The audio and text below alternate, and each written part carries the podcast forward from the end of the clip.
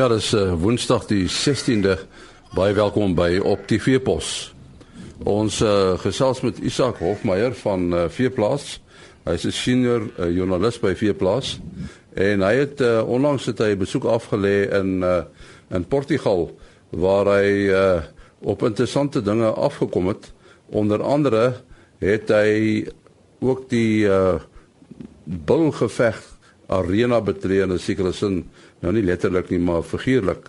En uh, ons wil 'n bietjie met hom gesels oor uh, oor hierdie uh, gevegsbulle uh, Isak uh, ek kom ons kom 'n bietjie agter die kap van die byl as 'n mens nou van hierdie goed hoor dan dink jy aan Pamplona en hierdie goed in in Spanje. So Portugal het ook daarvan. Ja, en die, die indruk wat ek kry is dat Portugal redelik redelik um, ernstig is daaroor. Ek dink nie hulle het soveel teelers van van vegbulle nie, maar maar die ouens uh word baie hoog aangeslaan. Die kwaliteit bulle wat hulle produseer in Portugal, kry ek die indruk word baie hoog aangeslaan. En jy stel ook toe nou belang in hoe hierdie bulle geteel word, nee, jy het op 'n plaas besoek afgelê. Ja, toe, na, na twee kante toe stel ek belang. Ek is baie gefassineerd met die ruiterkuns wat gepaard gaan met bulgevegte.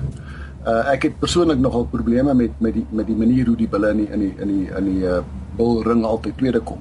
Maar uh maar maar die maar die, die ruiterkans fascineer my absoluut. En die ander deel wat natuurlik as as landbou ou wat my ook fascineer is hoe hulle hierdie bulle teel, hoe hulle selekteer vir vir hierdie bulle.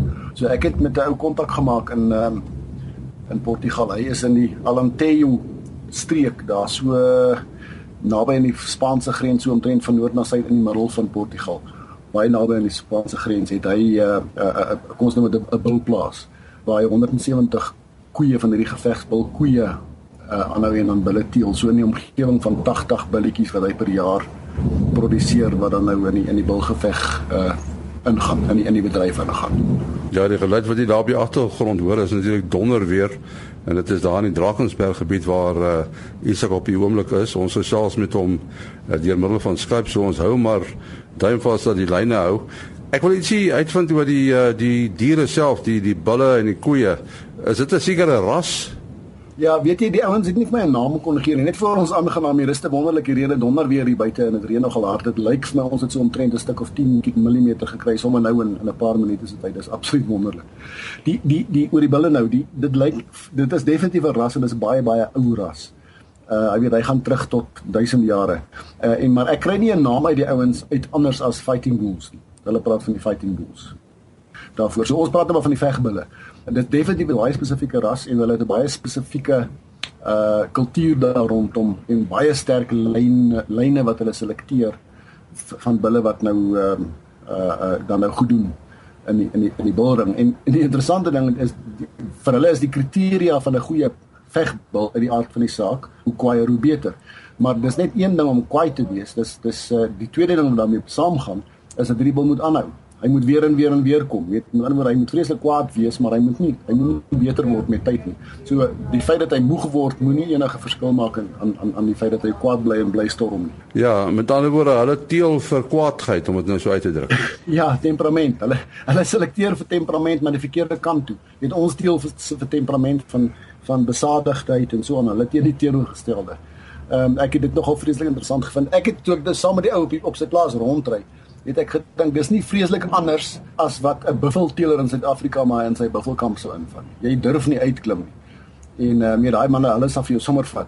Die een storieetjie um, ek 'n pel van die van die teeler, sy naam is uh, Joachim Graaf, die teeler en sy stoet se naam is die Morteira Graaf uh, vegbal stoet. Nou hy het 'n vriend gehad wat saam met ons gery het en, en dit was kalftyd toe ek daar was. En daar was een kalfie wat op die grond gelê het en ons het nie geweet wie die ma is nie en die vriend wil toe nou sommer gou uitklim en die koffie regop sit maar jong dis soos niks of daar's hierdie koei volspoed op pad na hom toe.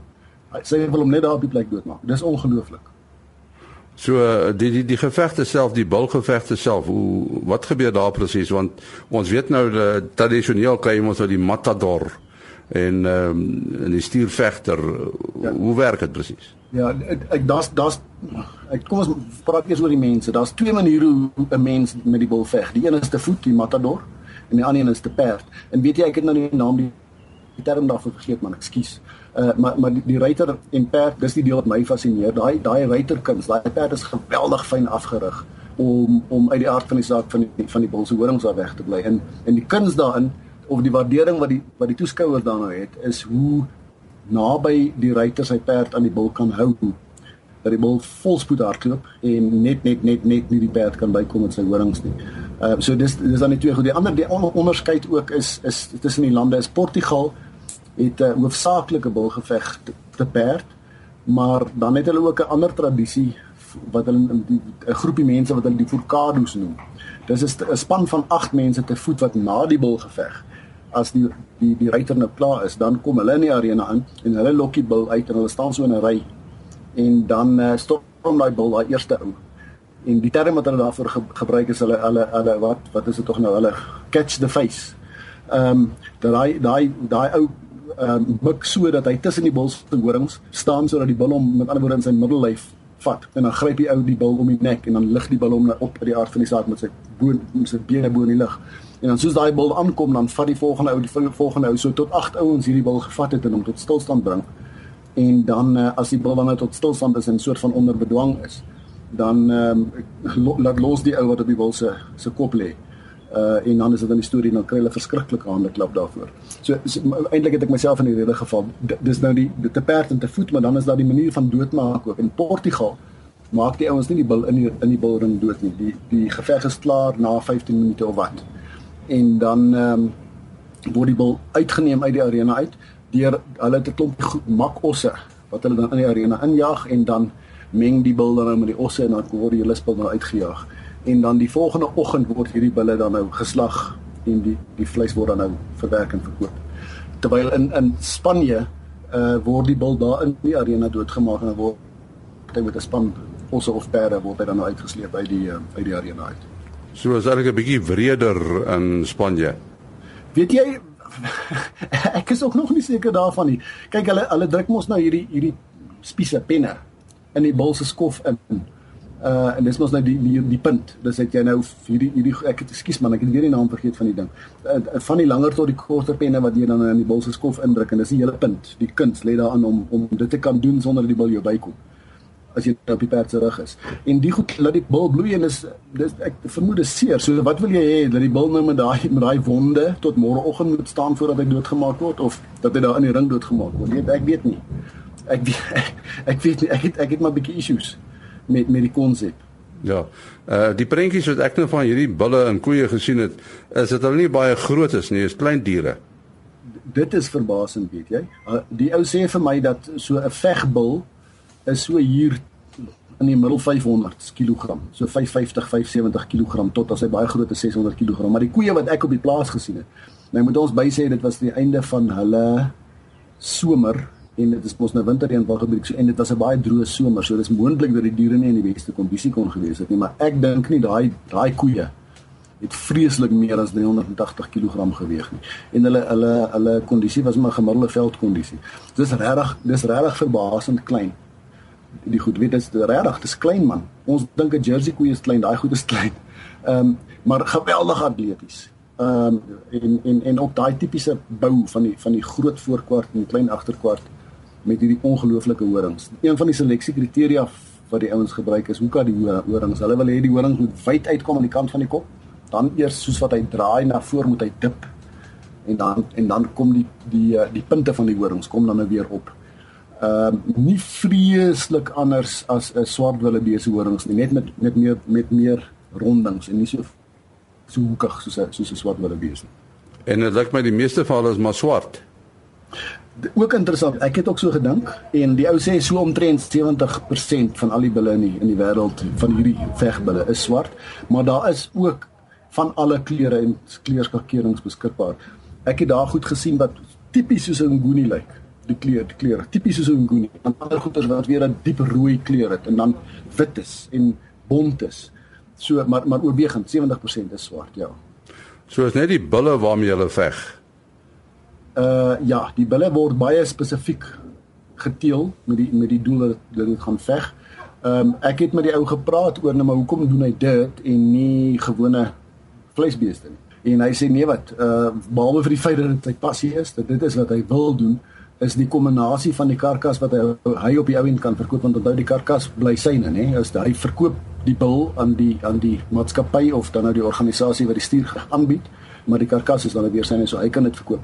Maar die ouens wat die die bil vir die veg uh, by hom koop dat hy kry baie goeie geld daarvoor. Ja en en hierdie diere hierdie uh, bulle en koeie hulle wy maar doodgewoon op die veld absoluut ekstensief absoluut ekstensief hy sê vir my hy gee 'n lek op 'n sekere tyd van die jaar in die somer omdat dit hulle winter om hulle se winterreën gebied. Hy gee 'n lek, hy help 'n bietjie en die bulle wat dan nou voorberei word, hulle gaan as as 4 jaar oud bulle word hulle verkoop aan die aan die ehm um, uh, organisasies wat die, bulgevegte aanbied.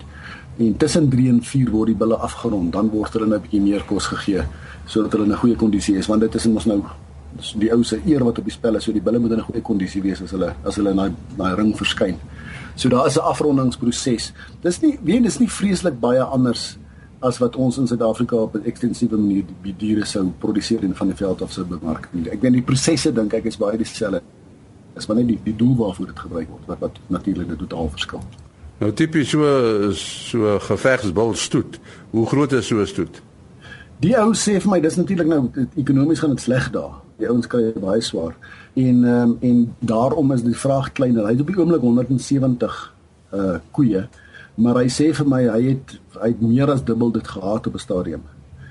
Uh en ek ek sou reken dat dit seker hy was een van die grootste. So ek reken hierby wo kom ons sê 400 koeie sou 'n geweldige groot stoet uh so stoet wees. 350 is waarskynlik die in die omgewing.